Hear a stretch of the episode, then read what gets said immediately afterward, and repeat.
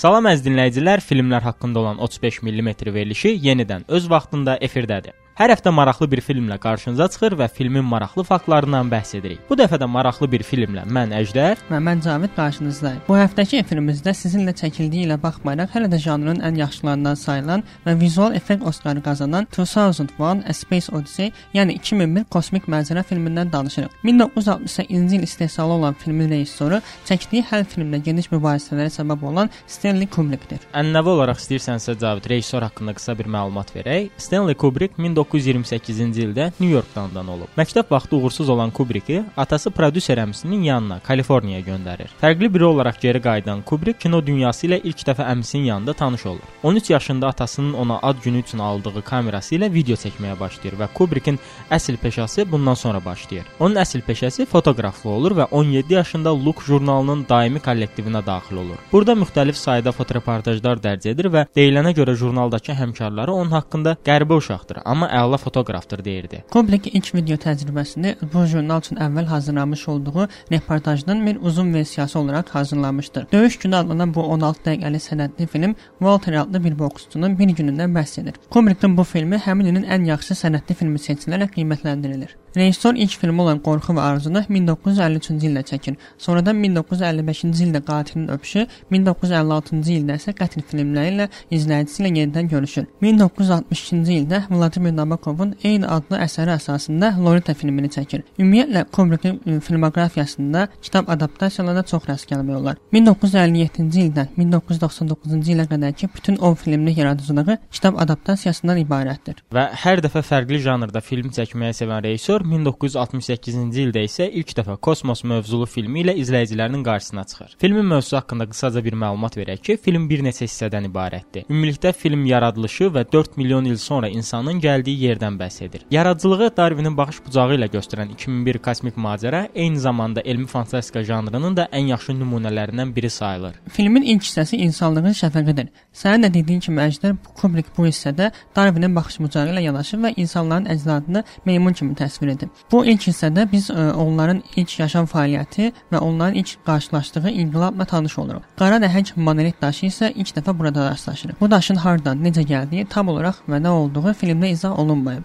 Birbaşa izləyicinin təxminlərinə buraxılıb. Bu qara daş filmdə 3 dəfə qarşımıza çıxır və hər üç səhnədə təkamül üçün əsas rol oynayır. Meymunların bu daşla tanış olması ilə onlar ilk dəfə düşünməyə başlayır və sərt bir sümükdən silah kimi istifadə etmək öyrənirlər. Və elə bu hissədə də kino tarixinin ən sürətli keçidlərindən biri ilə tanış oluruq ki, ə, meymunun sümüyü göyə atıb tutduğu məqamda havadakı sümük birdən kosmik gəmiyə çevrilir. Artıq aradan 4 milyon il keçmişdir və aya səyahət edən bir qrup kosmonavt da eyni ilə bu qaradaşa rast gəlir. Filmin ikinci hissəsi isə Yupiter tapşırığıdır ki, gəmidə tapşırıq üçün iki uçuş pilotu, kosmonavt Dave Bowman Frank Pul ilə ə, e, yatızdırılan 3 elm insanı səyahət edir. Maye halındakı maddələrlə, uşaq yeməklərinə bənzər qidalarla bəslənən və yer cazibəsi olmayan mühitdə gəzməyə, qaçmağa çalışan bir insan körpədən fərqsiz kimi göstərilir. Burada Kubrickin insan yaradılışına bir başqa perspektivdən baxması da ə, e, özünü daha çox göstərir ki, və biz burada insanın ən böyük dəstəkçisi və filmin ən böyük qırılma yeri olacaq Hall 9000 adlı superkompüterlə də tanış oluruq. Hall 9000 gəminin əsas nəzarət mexanizmidir. Filmin üçüncü hissəsi Yupiter və sonsuzluğun sonrasıdır. Artıq insan kosmosda tənhadır. Bir anda işıq sürətində kosmik bir səyahət başlayır və insanın ətrafını işıq şüaları bürüyür. Dave bir otaqda özünü tapır. Otaq dumağ və işıqlıdır. Çünki bu bölüm eyni zamanda insanoğlunun aydınlandığı nöqtədir. Çaşmış, ölçü anlayışını itirmiş və dəyişmişdir Dave. Dave otaqda özünü əvvəl bir aynada görür. Filmin bir çox yerində məcaz olan bu ayna burada insanoğlunun özü ilə üzləşməsini işarə eləyir. Ardından son yeməkdə yaşlı hanı yemək yeyən məqamda görür. Yatağa döndüyündə isə artıq ölümlə üzləşməyi lazımdır. İnsanoğlunun ən qorxduğu və qəbul edə bilmədiyi ölüm onu kosmosda da tək buraxmamışdır. Nəhayət rüşeymə çevrilir və monolit yenidən qarşımızdadır. 2001 kosmik macəra filminin finalında meydana çıxan bu rüşeym ölümdən sonra yenidən doğuşu, həyatın sonsuz sayda yeniləndiyini xəbər verir. Bu səhnədə eyni zamanda zamanın həyat üzərində üzərindəki fiziki təsirlərinin ürkütücülüyü təsvir edilir. Və bununla da film əslində bitir və film bitməyi ilə yanaşı özündə əslində kifayət qədər ə, suallar da qoyur ki, indi biz çalışacağıq ki, danışacağımız faktlar əsasında bu sualları nisbətən cavablayaq. Ümumiyyətlə Cavid, bu filmlə bağlı maraqlı faktlara keçməmişdən qabaq sənə sual vermək istərdim ki, filmlə bağlı nə düşünürsən? Yəni film ə, səncə nə mesajı vermək istəyib və səncə nə qədər uğurlu alınıbdı? Fikrimcə, hətta mənim oxuduğum məlumatlara görə Kubrick bu filmi çəkəndə həmin ə, özünün vaxtına qədər çəkdiyi insanların ə, çəkdiyi rejissorların filmlərindən tamam fərqli bir şey çəkmək istəyirdi. Çünki bu həmin vaxta qədər çəkilən filmlərin çoxusu ə, kosm kosmosdan yerə enən naməlum obyektlər, insanlar və onlar gəlirlər yerə, insanları ə, talayırlar, onları məhv edib öldürürlər. Kubrick isə oxuduğum onun müsahibələrində və ə, onun haqqında yazılan bioqrafiyalarda o tamam başqa bir ə, mövzuda və sırf ə, bir insanlığın görəsən 2001-ci ildə necə bir məqamda olacağını öz xəyal dünyası ilə birləşdirmişdir və onun burada göstərmək istədiyim mən düşünürəm ki, sadəcə ə, insanın özünün yaratdığı bir bu super texnologiyanın sonradan ə, onun üçün təhlükə törətsə də yenə də onu məhv edəcək insanın özüdür. Yəni bundan qorxmağa elə də ehtiyac yoxdur. Yəni bir növ hər şeyi insan başlatdığı kimi hər şeydə insan bitirə bilər.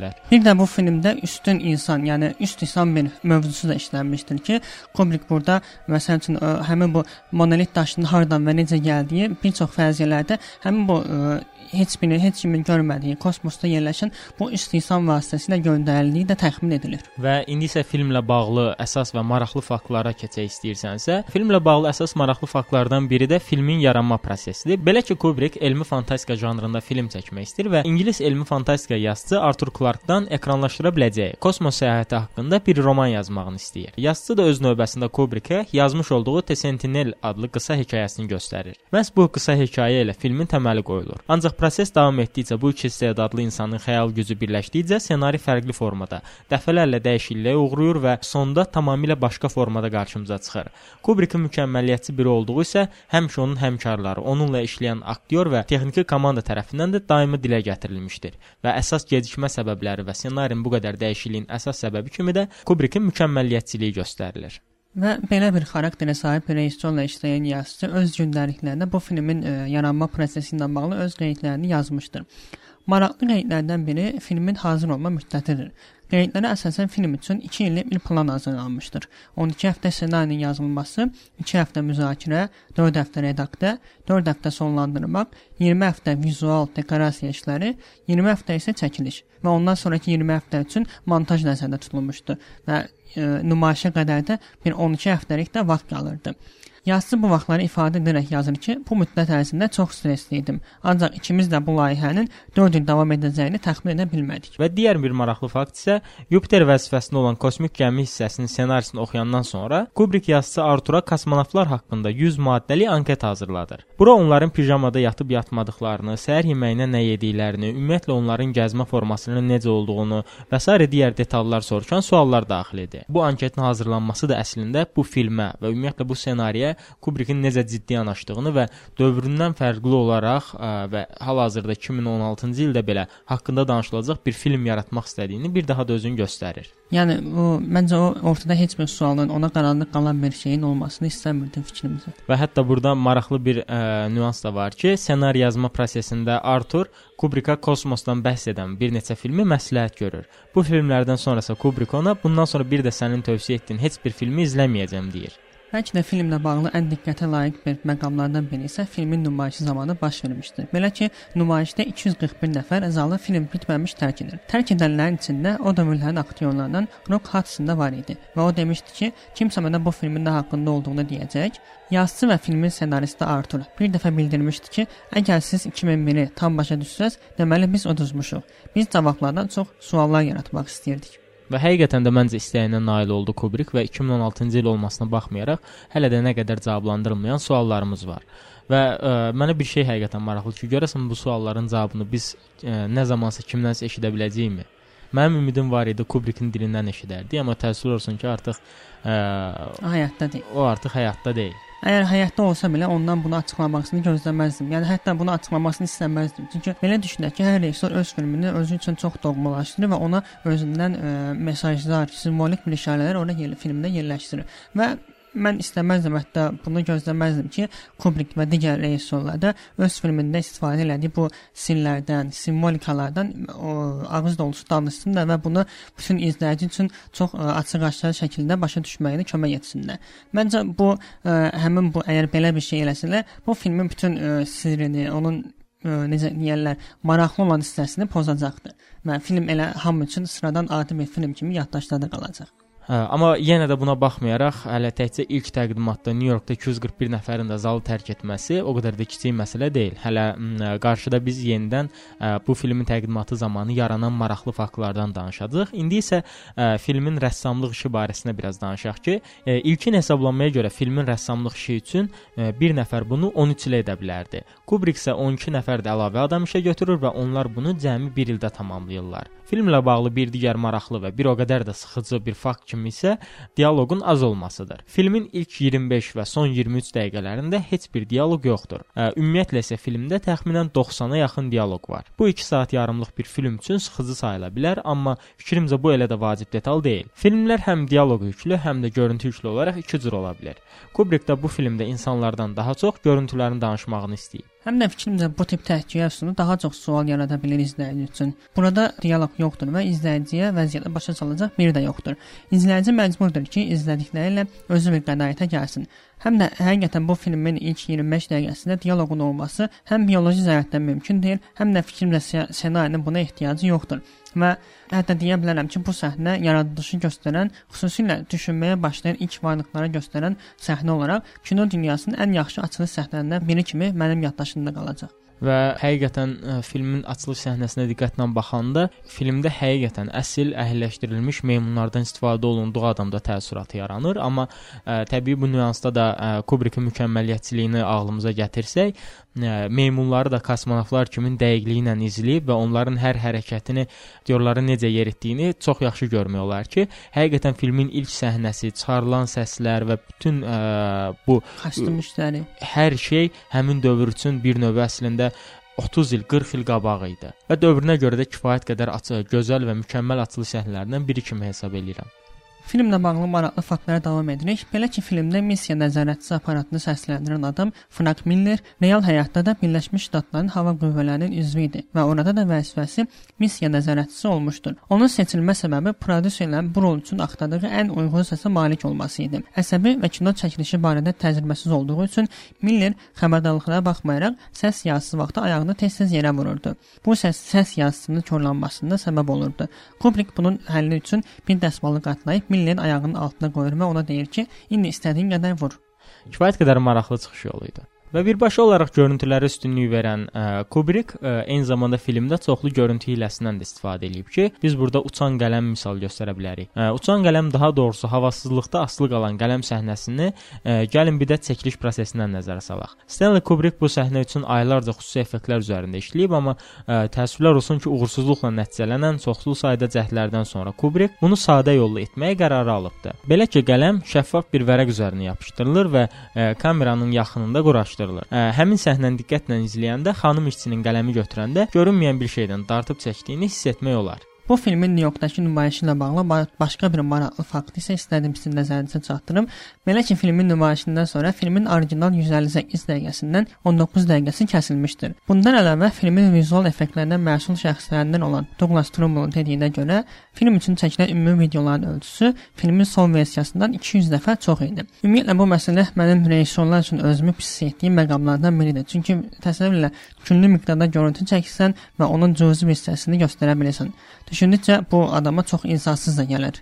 Təəssüf olsun ki, bu mövzuda səninlə heç cürə razı deyiləm. Çünki e, onsuz 2 saat yarım olan bir filmdə cəmi 90-a yaxın dialoq var və film ancaq görüntünün üzərində işlənibdi və açığı mənim fikrimcə burada e, Stanley Kubrick bir növ e, azgözlükdən istifadə eləyibdi. Çünki ə, e, həmin dövr üçün ə, kifayət qədər qeyri-adi olan vizual effektlərə sahib idi və bunu dayanmadan izləyiciyə göstərməyə çalışırdı və bütün film boyu bundan kifayət qədər azgözlüklə istifadə edir və hətta ə, özüm həmin dəqiqələri saydım. Filmin üçün 3-cü hissəsində Yupiter və sonsuzluğun sonrasında kosmonavtın Yupiterə qədər gedib çıxması üçün ən azı 8-9 dəqiqə ərzində biz yalnızca vizual effekt görmüşük. Hə, bu hətta filmin sonrakı hissələrinə də aiddir, amma xüsusilə bu nüansda əlavə heç nə yox. Ə, müxtəlif rənglər, kosmos ifadə edən ə, ulduz hərəkətləri, bütün bu vizual effektlərdən kifayət qədər acgözlüklə istifadə etdiyini deyə bilərik. Yəni açığı mən ə, filmə ilk dəfə baxanda həqiqətən filmi başa düşə bilməmişdim və kifayət qədər sıxılmışdım. Ə, artıq ardınca 3 dəfə, 4 dəfə baxdıqca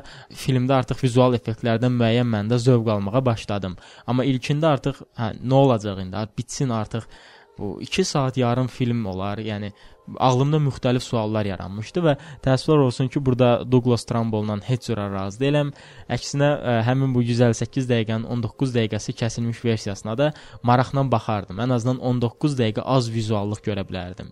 Mənim fikrimcə rejissor təəssüflər olsun ki, öz bacarıqlarından və həmin dövrü üstələnməyindən o qədər az gözlüklə istifadə edib ki, artıq insan bir yerdən sonra artıq ona belə doyur. Amma bir şey də unutmayaq ki, bir adam kosmosda təkdir və onun danışacaq heç kimi də yoxdur. Yəni bu məqamı da unutmayaq. Ümumiyyətlə kosmosda heç ə, bir havasızlıq var və orada heç bir səs səs də eşidə bilmirik və orada biz niyə dialoqdan çox eşitsə, məncə bu daha da artıq olardı. Amma Bəzi məqamlarda biz kifayət qədər vəziyyəti daha da ifadə edən dialoqları eşidə bilirik. Məsələn, həmin o kosmik gəmidəki iki pilotun öz arasında danışıqlarında biz bütün ə, həmin o 3-cü hissədə olan əsas mövzunu başa düşə bilirik, yəni. Bəli, ə, e, tamamilə haqlısan ki, filmdə dialoqlar yerli yerində işlədilibdi, az olmasına baxmayaraq. Mənim sözüm sadəcə olaraq vizual ə, e, effektlərdən daha az istifadə oluna biləcəyi idi ki, ə, e, məncə bununla da həmin bu insanı sıxıcı olan hissələrin ə, sayının daha da azaldılmasına kömək eləyə bilərdi. Hətta bununla bağlı da ə, belə bir maraqlı fakt var ki,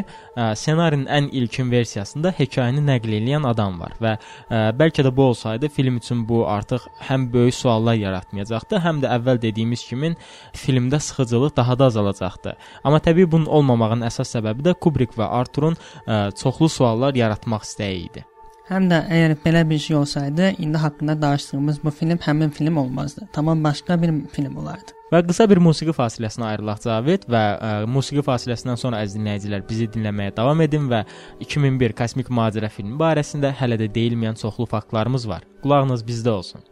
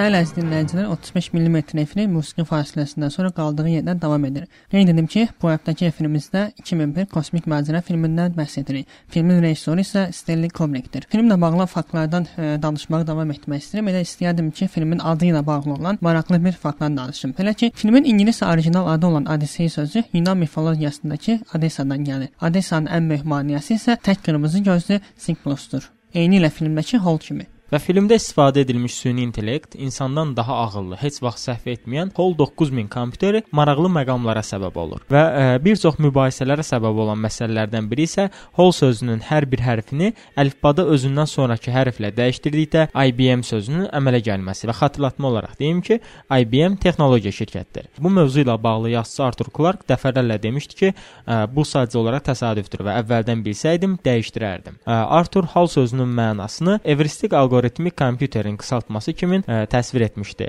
Wikipedia məlumatına əsasən isə evristika sözünün mənası həqiqətin müvafiq köməkçi suallar vasitəsilə əşkar edilməsini nəzərdə tutan tədqiqat və təlim üsullarıdır. Və sadə dillə desək, həqiqətin açılmasında rol oynayan köməkçi qurğu. Hol adının belə qalmaqallı şərait yaratmasının əsas səbəbi isə filmdə IBM şirkətinin məhsullarının da bir çox səhnələrdə istifadə olunması idi. Haqqında danışdığımız bu hal qurğusunun təsvirində filmdə süni intellektin var olduğu göstərilir. Yəni insanın yaratdığı bu qurğu mükəmməl səviyyədə işləyir, insanın yerinə daha ağıllı qərarlar verir. Hətta onun hiss və emosiyaları da mövcuddur. Görünür, belə bir şeyin həqiqətən kəşf olunmasından Kubrick narahatlıq hissi keçirirdi. Belə ki, yazıçı və ssenarist Clark açıqlamışdı ki, Stanley Kubrick filmin nümayişindən əvvəl süni intellektin kəşf olunması zamanı özünü dəyəcək zərərdən sığortalamaq istəyirdi.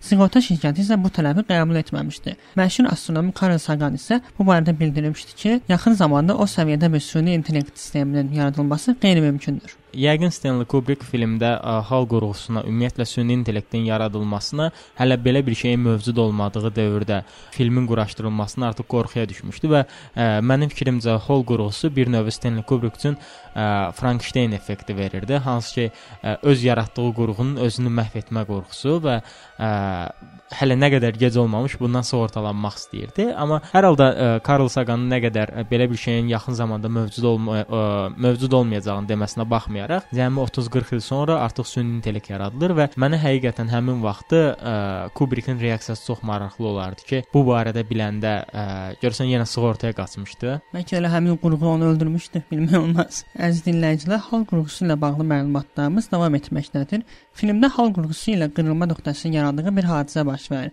Belə ki, hal gəmidə bir səhv aşkarlayır və bunun təmin olunması üçün 72 saatlar olduğunu deyir. Həmin səhvi tapıb düzəltməyə çalışan heyət üzvü əslində heç bir səhvin olmadığını deyir. Kosmonavt Dave və Frog haldan səhv edib etmədiyini soruşur. Hal isə israrla bunun sadəcə bir insan səhvi olduğunu deyir.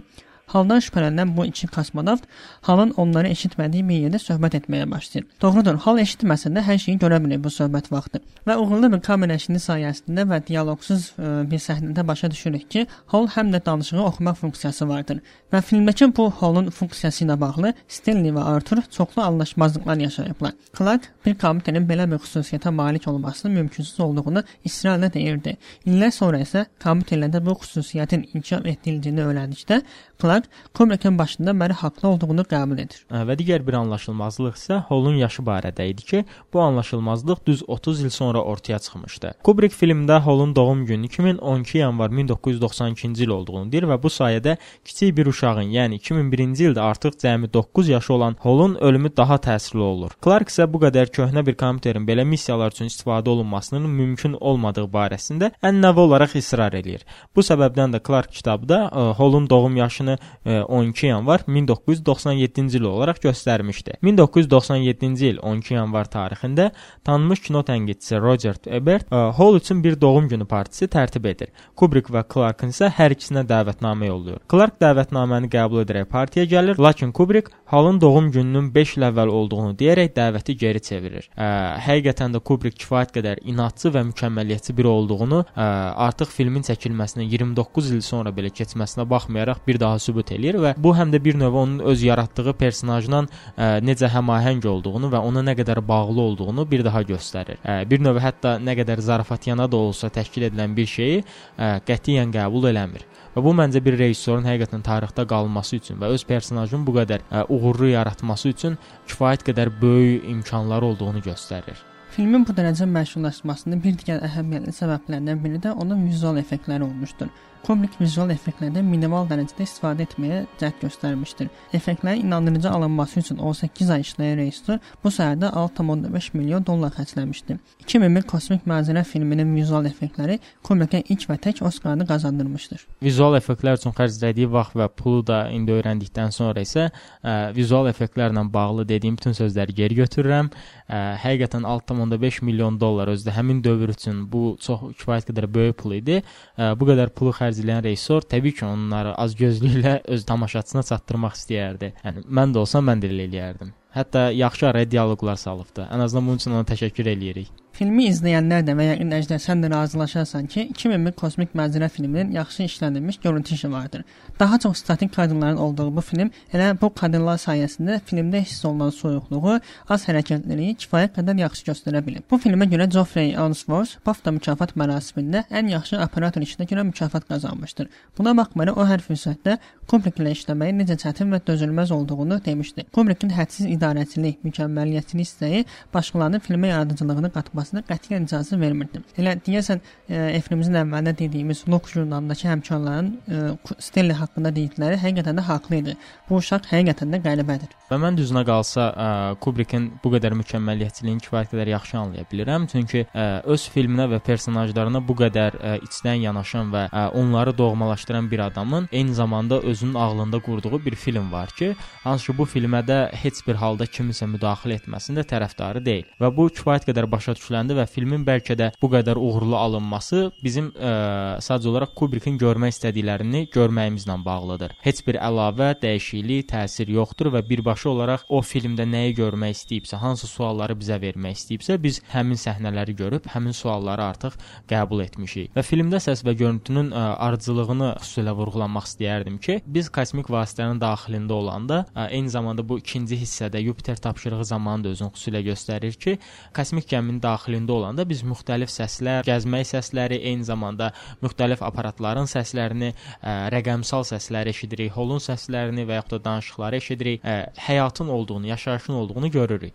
Amma o ki səhnədə artıq görüntü kos kosmosdan bəhs eləyir və bu zaman ani bir sükut çökür və sadəcə olaraq görüntü var və bu bir növ insanın həmin an üçün özünü orada hiss etməsinə gətirib çıxardır ki, ə, bir aralarında nə qədər böyük fərq olduğunu və kosmosdakı sükutu ə, bu görüntü vasitəsilə kifayət qədər yaxşı göstərir və mənim üçün ə, ən əsas məqamlardan biri səs və görüntü məsələsinin xüsusilə işlənməsi idi. Hətta bayaq orada ə, sənin ə, bildirdiyin holun gözü vasitəsilə onların nə danışdığını artıq öyrənəndə belə ə, kadrda artıq bir sükut yaranır və həqiqətən səssiz bir ortamda onun sadəcə olaraq ağızdan ə, nə deməyə çalışdığını tutduğunda bir növ vizual dillə rejissor bizə çatdırır. Və bu baxımından ə, səs və görüntü işlərinin ə, ardıcıllığını mən kifayət qədər bəyəndim bu filmdə. Haqlı sənəcdə filmin böyük bir hissəsində bu qədər idealist və mükəmməliyyətli yanaşan Kubrickin eyni ilə bir neçə film səhnəsində də bu qədər e, titizliklə yanaşdığını görə bilirik. Məsələn, aktyor Kerry Dunlanın qocalığını gördüyümüz səhnələrin girimi üçün 12 saat vaxt sərf olunmuşdur. Eyni zamanda həmin bu səhnədə David otaqda dayandığı 5 fərqli yeri birləşdirsək, ulduz şəkli əmələ gəlir. Bu da yəqin Kubrickin izləyiciyə kosmosda olduğu və ətrafının e, ancaq ulduzlardan ibarət olduğunu vermək istədiyi bir mesaj ola bilər. Və filmdə gördüyümüz dairə formada olan kosmik gəmi üçün də həqiqətən studiyada belə bir bina inşa edilib.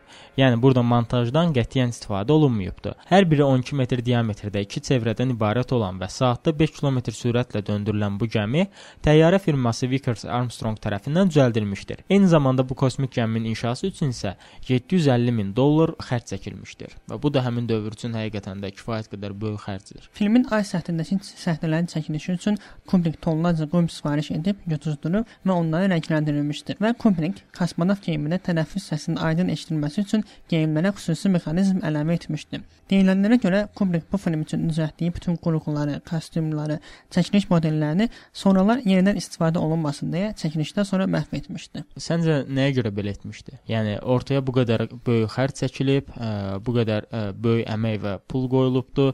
Amma əvəzində isə onları sadəcə olaraq məhv edib. Məncə bunları ə, bir başqasına istifadəyə yəqin ki, paxıllıq çəkə bilər, amma ən azından bir şəxsi muzeydə saxlaya bilərdi. Çünki bu 1968-ci ildə çəkilsə də hələ də danışılan və böyük müzakirələrə səbəb olan vaxtından bir növ irəlisinə aid bir filmdir. Və Kubrick məncə bunları ə, muzey üçün də saxlaya bilərdi. Amma səncə nə üçün məhv eləyibdi?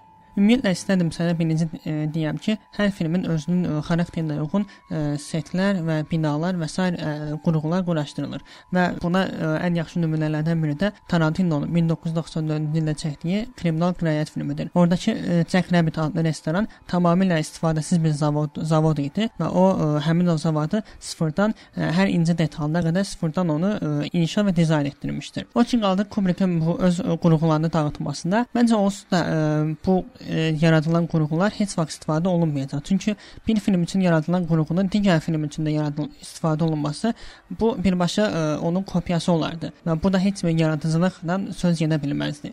Bunun e, Kubrickin bunu dağıtması sadəcə öz e, şəxsi istəyidir və həmişə də bayaqdan da haqqında dediyimiz kimi Kubrick mükəmməliyyətçidir və hər zaman filmdə son sözü demək istəyən şəxs olubdu və yəni kiminsə onun qərarına qarşı çıxmağı məntiqsiz olardı. Filmin nümayişindən cəmi 1 il sonra 1969-cu ildə Neil Armstrong və Buzz Aldrin ilk dəfə aya ayaq basırlar.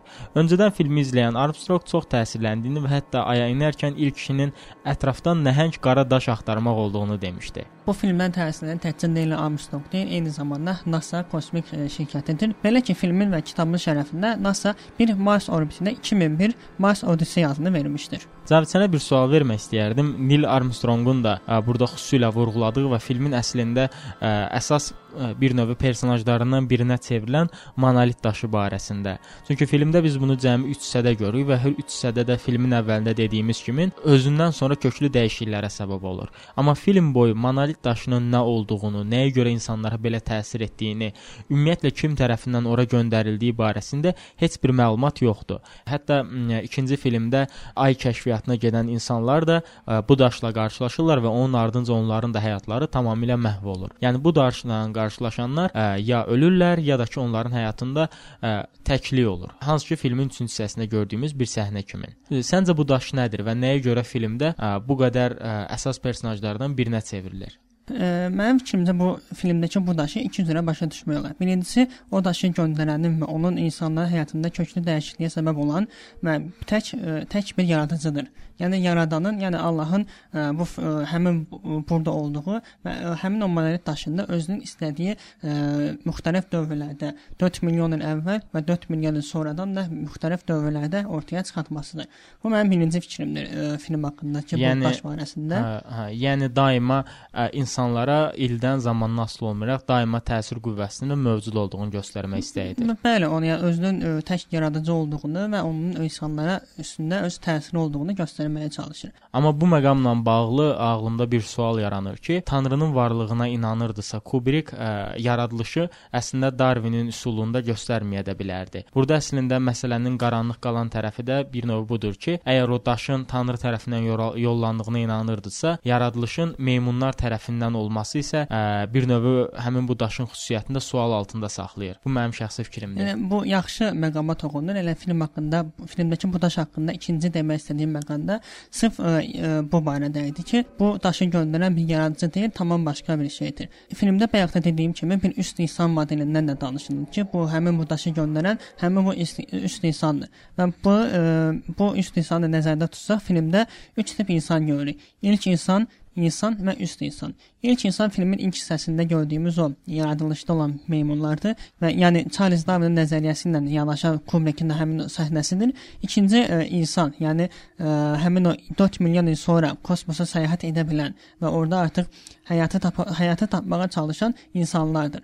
Və üst insan isə həmin bu ə, 4 milyon il sonra inkişaf etmə inkişaf etməyinə baxmayaraq yenə də o insanlara belə öz təsirini göstərə bilən, onların həyatında qarışa bilən və onları bir daş göndərərək onların həyatını köklü dərəcədə dəyişə biləcək bir üst insandır. Və biz bu filmdə üst insanı görə bilmirik, çünki biz də fikrimcə elə həmin o ə, adi ortada qalan insanlardan biririk. Düzdür, filmdə həmin bu üst insan modelini görməsək də, həmin bunun ə, həmin bu üst insan modelini bu monolit daşının təsvirində görürük. Təəssüflər olsun ki, nə Arthur, nə də Kubrick bu barədə heç bir dəqiq fakt vermədiyi üçün bütün bu dediklərimiz sadəcə olaraq fərzi olaraq qalacaqdır. Belə dinləyicilər, artıq bizə ayrılan vaxtın sonuna yaxınlaşırıq. Bu dəfə sizinlə başa düşülməsi çətin bir film olan 2001 Kosmik Macəra filmini müzakirə etdik. Məşhur kinotənqidçi və rejissor Francis Truffautin darıxdırıcı dediyi Woody Allen-in 3-cü izləyişdə başa düşdüyü Stanley Kubrick imzalı bu film hələ də kino dünyasında sevilən və janrının və dövrünün ən yaxşı filmlərindən biridir. Hə, biz də əlimizdən gəldiyi qədər film izah etdik və film haqqında maraqlı faktlardan danışdıq. Sizinlə mikrofon qarşısında isə mən Əjdər və mən Cavid idim. Gələn həftənin cümə günü saat 19:00-da yenidən eşidilmək diləyi ilə